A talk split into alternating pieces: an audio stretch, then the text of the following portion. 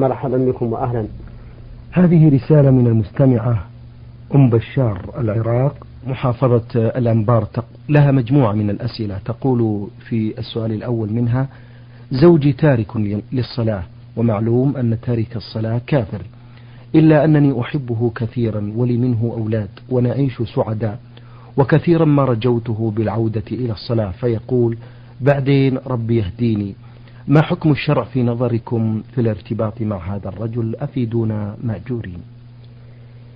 الحمد لله رب العالمين وأصلي وأسلم على نبينا محمد خاتم النبيين وإمام المتقين وعلى آله وأصحابه أجمعين. حكم الشرع في نظرنا في الإقامة مع هذا الزوج التارك للصلاة والذي ذكرت السائلة أن عندها علما من أن تارك الصلاة كافر. حكم الشرع في نظرنا أنه لا يجوز البقاء مع هذا الزوج. الذي تعتقد زوجته أنه كافر. لقول الله تبارك وتعالى يا أيها الذين آمنوا إذا جاءكم المؤمنات مهاجرات فامتحنوهن. الله أعلم بإيمانهن. فإن علمتموهن مؤمنات فلا ترجعوهن إلى الكفار. لا هن حل لهم ولا هم يحلون لهم. فبين الله تعالى في هذه الآية الكريمة أن المؤمنات حرام على الكفار كما أن الكفار حرام عليهن. وعلى هذا فيجب عليها أن تفارق هذا الزوج فورا وألا تعاشره وأن لا وأن لا تعاشره ولا تجتمع معه في فراش ولا غيره لأنها محرمة عليه. وأما حبها إياه وعيشتها معه عيشة حميدة فإنها إذا علمت أنها حرام عليه وأنه أجنبي منها ما دام مصرا على ترك صلاته فإن حبها هذا سيزول لأن, محب لأن المؤمن محبة الله عنده فوق كل محبة وشرع الله تعالى عنده فوق كل شيء. وأما الأولاد فإنه ليس له ولاية عليهم ما دام على هذه الحال. لأن من شرط الولاية على الأولاد أن يكون الولي مسلما وهذا ليس بمسلم. ولكنني أضم صوتي إلى صوت هذه السائلة بتوجيه النصح إلى هذا الرجل بأن يرجع إلى رشده ويعود إلى دينه ويقلع عن كفره وردته ويقوم بأداء الصلاة وإقامتها على الوجه على الوجه الأكمل مع الإكثار من العمل الصالح. ولو صدق الله في نيته وعزيمته ليسر الله له الأمر. كما قال تعالى فأما من أعطى واتقى وصدق بالحسنى فسنيسره لليسرى. إنني أوجه نصيحة إلى هذا الرجل أن يتوب إلى الله حتى تبقى زوجته معه ويبقى أولاده تحت ولايته. وإلا فإنه لا حظ له في زوجته ولا في, في الولاية على أولاده. نعم. بارك الله فيكم. أيضا تقول في رسالتها هل زيارة القبور وقراءة الفاتحة على أولياء الله تجوز أم لا؟ زيارة القبور الجواب زيارة القبور سنة.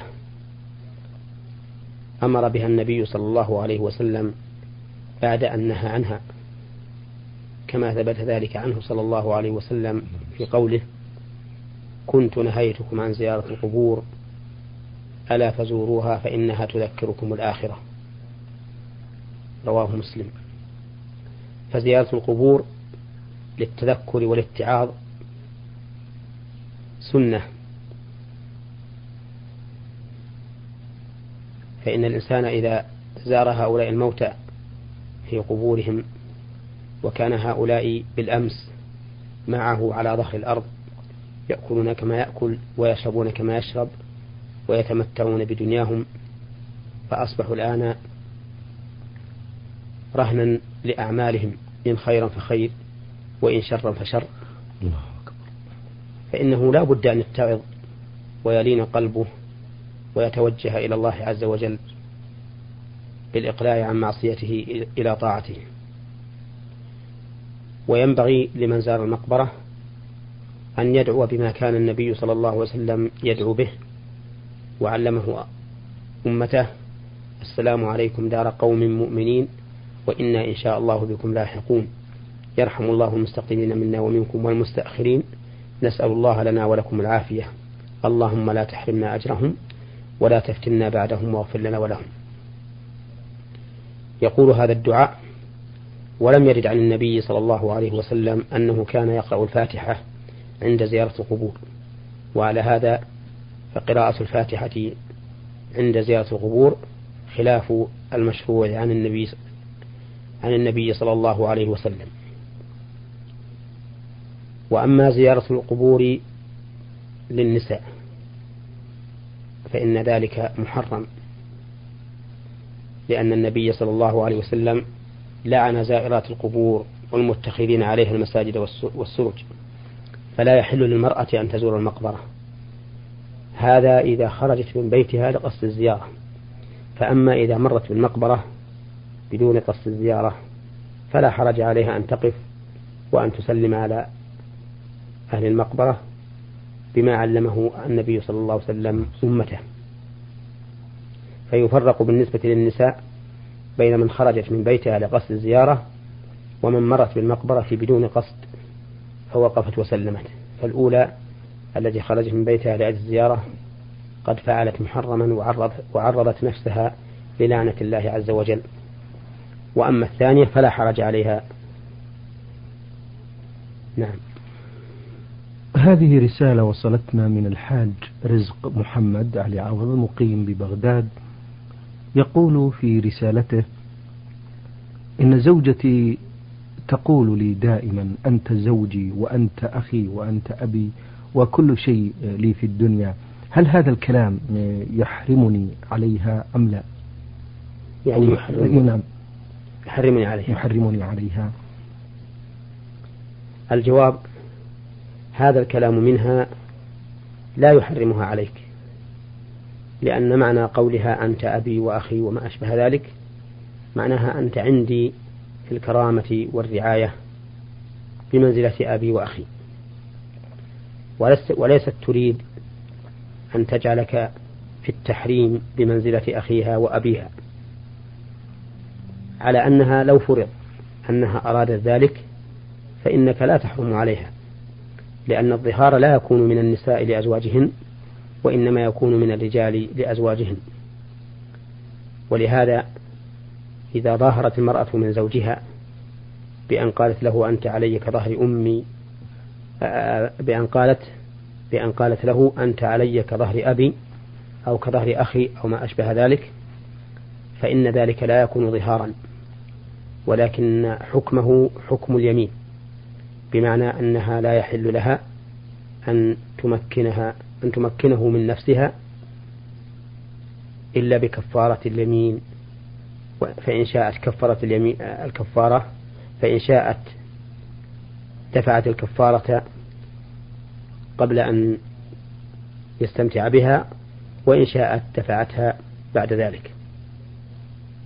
وكفارة اليمين إطعام عشرة مساكين أو كسوتهم أو عتق رقبة فإن لم يجد فصيام ثلاثة أيام متتابعة. نعم. بارك الله فيكم. هذه رسالة من المستمع عبد الرحمن خالد الأحمر سوداني ومقيم بالقصيم. يقول في رسالته يوجد في المسجد الذي بجوارنا قبر صاحب هذا المسجد ويقع داخل سور المسجد لكنه بني على اتجاه القبلة أي في الجهة المعاكسة للقبلة.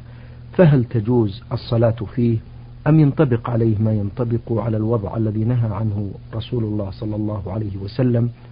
وإذا كان لا يجوز أن يصلى في هذا المسجد ماذا علينا بالنسبة لصلاتنا الذي مضت؟ علما بأنه أقرب المساجد لنا.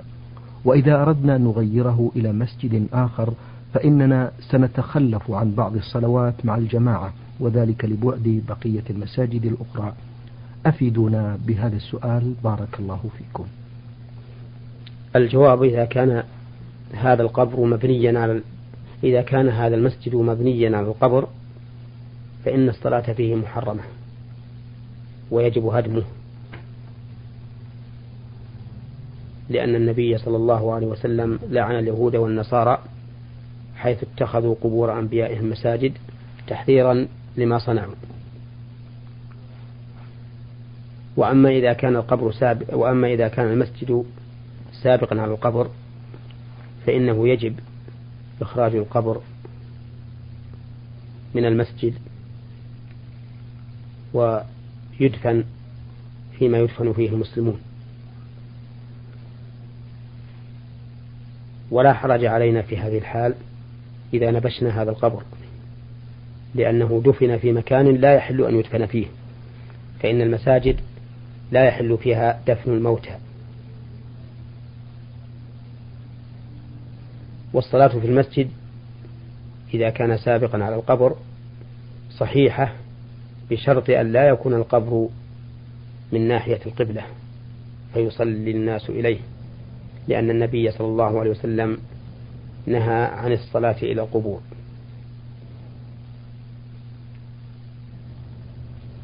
وبالإمكان إذا لم يتمكنوا من نبشه أن يهدموا سور المسجد وأن يخرجوا القبر من وراء السور إذا كان القبر ليس من ناحية القبلة. نعم. بارك الله فيكم.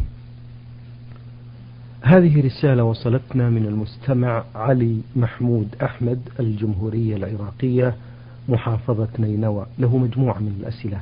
يبدأها بهذا السؤال. يقول هل يجوز قراءة القرآن على قبر الميت والدعاء له؟ وما نوع الدعاء؟ وهل يجوز أن يبكى عليه؟ أيضا يقول هل يجوز أن يصام عنه أو يصلى بدلا عنه؟ لأننا نقوم بختم القرآن عوضا عنه ونهدي هذه الختمة إلى روحه. وإذا كان المتوفى صديق أو قريب هل يجوز آه، لشخص أن يحج عن نفسه وعن المتوفى في نفس الوقت؟ أفيدونا مأجورين الجواب قراءة القرآن على القبور بدعة. لم ترد عن النبي صلى الله عليه وسلم ولا عن أصحابه.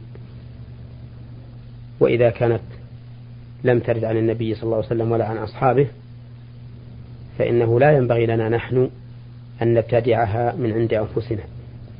لأن النبي صلى الله عليه وسلم قال فيما صح عنه كل محدثة بدعة وكل بدعة ضلالة وكل ضلالة في النار.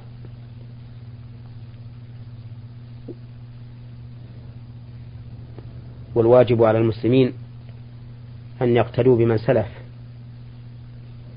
من الصحابة والتابعين لهم بإحسان حتى يكون على الخير والهدى. لما ثبت عن النبي صلى الله عليه وسلم أنه قال خير الكلام كلام الله وخير الهدي هدي محمد صلى الله عليه وسلم.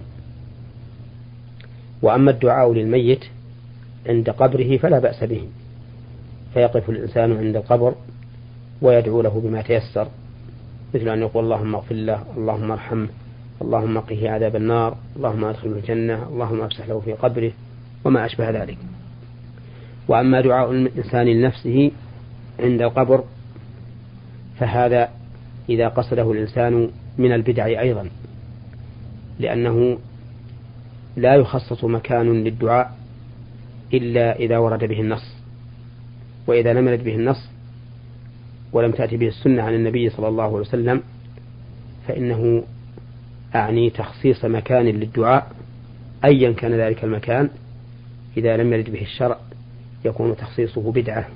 وأما الصوم للميت والصلاة عنه وقراءة القرآن وما أشبه ذلك من العبادات فإن هناك أربعة أنواع من العبادات تصل إلى الميت بالإجماع وهي الدعاء والواجب الذي تدخله النيابة والصدقة والعتق وما عدا ذلك فإنه موضع خلاف بين أهل العلم. فمن العلماء من يقول إن إن الميت لا ينتفع بثواب الأعمال الصالحة إذا أهدي له في غير هذه الأمور الأربعة. ولكن الصواب أن الميت ينتفع بكل عمل صالح جعل له. إذا كان الميت مؤمنا. ولكن لا نرى أن إهداء القرب للأموات من الأمور المشروعة التي تطلب من الإنسان.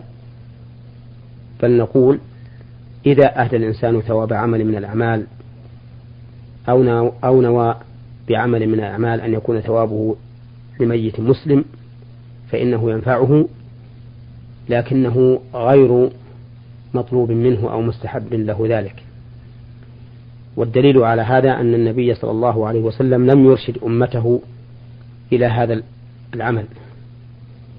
بل ثبت عنه في الصحيح صحيح مسلم من حديث أبي هريرة أنه قال إذا مات الإنسان انقطع عمله إلا من ثلاثة إلا من صدقة جارية أو علم ينتفع به أو ولد صالح يدعو له. ولم يقل النبي صلى الله عليه وسلم أو ولد صالح يعمل له أو يتعبد له بصوم أو صلاة أو غيرهما وهذا إشارة إلى أن الذي ينبغي والذي يشرع هو الدعاء لأمواتنا لا إهداء العبادات لهم. والإنسان العامل في هذه الدنيا محتاج إلى العمل الصالح فليجعل العمل الصالح لنفسه وليكثر من الدعاء لأمواته فإن ذلك هو الخير وهو طريق السلف الصالح رضي الله عنهم. بارك الله فيكم. في سؤاله الأخير يقول آه، ما تفسير رؤية المتوفى في الحلم وفي كل مرة رؤية المتوفى في المنام إن كانت على وجه طيب نعم. فإنه يرجى له الخير وإن كانت على غير ذلك فقد يكون هذا من ضرب الأمثال من الشياطين لأن الشيطان قد يضرب المثل بشخص على وجه مكروه ليحزن الحي. ذلك أن الشيطان حريص على كل ما يدخل الحزن والهم والغم على المؤمنين. لقول الله تعالى إنما النجوى من الشيطان ليحزن الذين آمنوا وليس بضارهم شيئا إلا بإذن الله.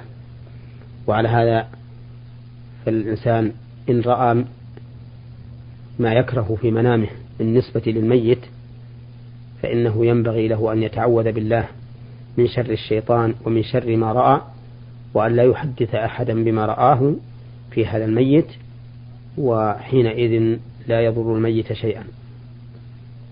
وهكذا كل من رأى في منامه ما يكره فإن المشروع له أن يتعوذ بالله من شره من شر الشيطان ومن شر ما رأى وأن يدخل عن يساره ثلاث مرات وأن ينقلب من الجنب الذي كان نائما عليه إلى الجنب الآخر.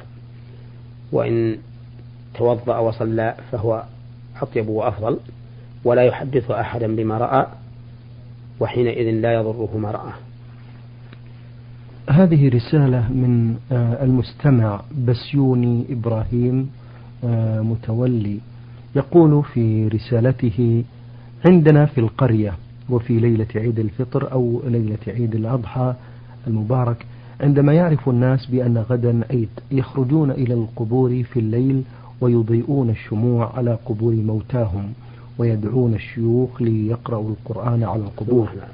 ما صحة هذا الفعل؟ جزاكم الله عنا وعن المسلمين خير الجزاء. هذا الفعل فعل باطل محرم وهو سبب للعنة الله عز وجل. فإن النبي صلى الله عليه وسلم لعن زائرات القبور والمتخذين عليها المساجد والسرج والخروج إلى المقابر في ليلة العيد ولو لزيارتها بدعة فإن النبي صلى الله عليه وسلم لم يرد عنه أنه كان يخصص ليلة العيد ولا يوم العيد بزيارة المقبرة. وقد ثبت عنه صلى الله عليه وسلم أنه قال إياكم ومحدثات الأمور فإن كل محدثة بدعة وكل بدعة ضلالة وكل ضلالة في النار.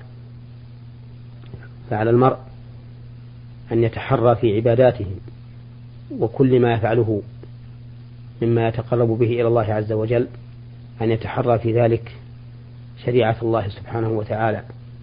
لأن الأصل في العبادات المنع والحظر إلا ما قام الدليل على مشروعيتهم.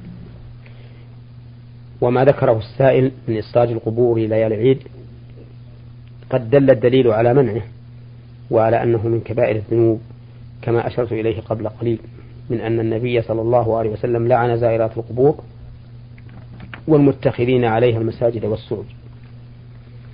نعم. هذه رسالة من المستمع الشريف حسين الأردن يقول في رسالته ما هو الوقت المحدد لأذكار الصباح والمساء الواردة في السنة المطهرة؟ مثلا هل وقت أذكار المساء ما بين المغرب والعشاء أو ما بين العصر والمغرب يريد إفادة بهذا؟ الذي يظهر أن الوقتين كلاهما من المساء ما بين العصر إلى المغرب وما بين المغرب إلى العشاء. وقد أمر الله سبحانه وتعالى أن نسبحه قبل طلوع الشمس وقبل الغروب. فأفضل ما تكون الأذكار في الصباح ما بين صلاة الفجر وطلوع الشمس. وفي المساء ما بين صلاة العصر وغروب الشمس. ولكن الوقت يمتد إلى أكثر من ذلك. فوقت الصباح قد يمتد إلى إشراق الشمس. وكذلك وقت المساء قد يمتد إلى طائفة من أول الليل. والأمر في ذلك واسع. لكن ما ورد تخصيصه بالليل فإنه لا يفعله النهار كما في قوله صلى الله عليه وسلم في آية الكرسي من قرأها في ليلة لم يزل عليه من الله حافظ ولا يقربه شيطان حتى يصبح. فمثل هذا النص واضح في تخصيص ذلك بالليل. نعم. هذه رسالة وصلتنا من أحمد آه، ألف الطائف. يقول في رسالته أنا إنسان أشرب الدخان ولقد قلت بقلبي إذا شربت الدخان مرة ثانية مرة ثانية تحرم علي زوجتي. ونسيت ثم شربته وتذكرت أنني قلت تحرم علي زوجتي فماذا يلزمني في هذه الحالة؟ أفيدونا. جزاكم الله كل خير. الجواب ما دمت على هذا الجانب الكبير من الحرص على ترك الدخان فإني أسأل الله سبحانه وتعالى أن يعينك على تركه. وأن يرزقك العزيمة الصادقة والثبات والصبر حتى توفق لما تصبو إليه. وأما سؤالك عن التحريم الذي وضعته آه الذي قلته إن كنت قلت ذلك بقلبك بدون نطق بلسانك فلا حكم له ولا أثر له. وإن كنت قلته بلسانك وأنت تقصد بذلك التوكيد على نفسك بترك الدخان فإن هذا حكمه حكم اليمين. فإن شربت الدخان متعمدا ذاكرا فعليك كفارة يمين وإن كنت ناسيا فلا شيء عليك. لكن لا تعود إليه بعد ذلك وأنت ذاكر. فإن عدت إليه بعد ذلك وأنت ذاكر وجبت عليك كفارة أعني كفارة اليمين وهي إطعام عشرة مساكين أو كسوتهم أو تحرير رقبة. أنت مخير في هذه الثلاثة. وكيفية الإطعام؟ إما أن تغديهم أو تعشيهم وإما أن تدفع إليهم رزا مصحوبا بلحم يكفيه مقداره ستة كيلوات للعشرة جميعا سواء كانوا في بيت واحد أو في بيوت متعددة.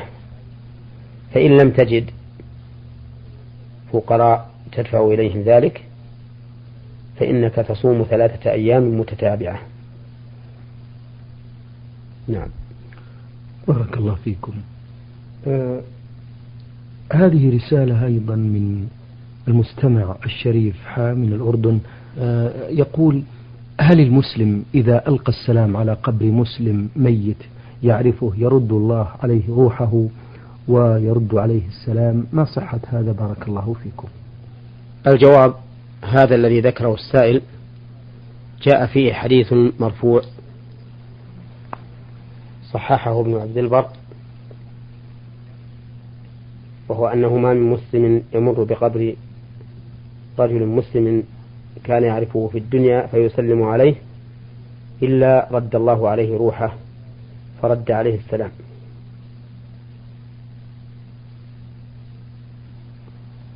وقد صححه ابن عبد البر نقل ذلك ابن القيم عنه في كتاب الروح وأقره.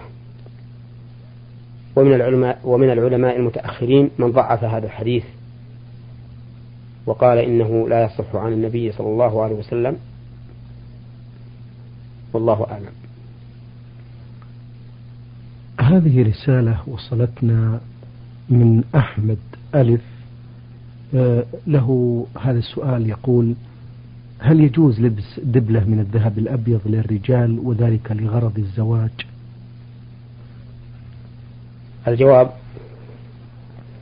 لبس الدبلة للزواج إن كانت من ذهب فهي حرام على الرجل. لأن النبي صلى الله عليه وسلم قال في الذهب والحرير هذان حرام على ذكور أمتي حل لإناثها.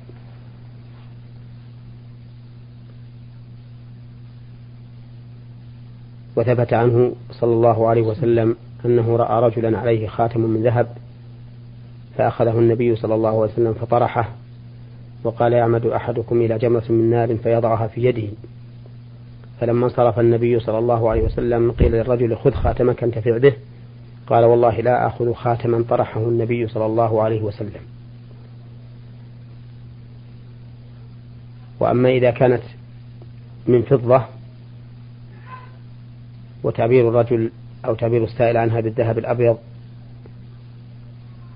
إن كان يريد الفضة فهو خطأ. وإن كان يريد الماس فالماس ليس ليس بذهب بل الذهب هو الذهب المعروف الأحمر. أقول إن كانت الدبلة من غير الذهب فإنه لا بأس بها من حيث هي بذاتها. لكن إن صحبها عقيدة بأنها توجب بقاء المودة والمحبة بين الرجل وبين زوجته كانت حراما لهذه العقيدة الفاسدة. فإن وجود الدبلة لا يستلزم بقاء المودة بين الرجل وزوجته. وكم من أناس لبسوا دبلا فحصل بينهم وبين زوجاتهم الفراق والعداوة والبغضاء. وكم من أناس لم يلبسوا ذلك وألقى الله فيهم بينهم المودة والمحبة. ثم إنه قد قيل إن أصل هذه الدبلة مأخوذ من النصارى. فإذا كان الأمر كذلك صار فيه محذور آخر وهو التشبه بأعداء الله النصارى. شكر الله لكم يا فضيلة الشيخ وعظم الله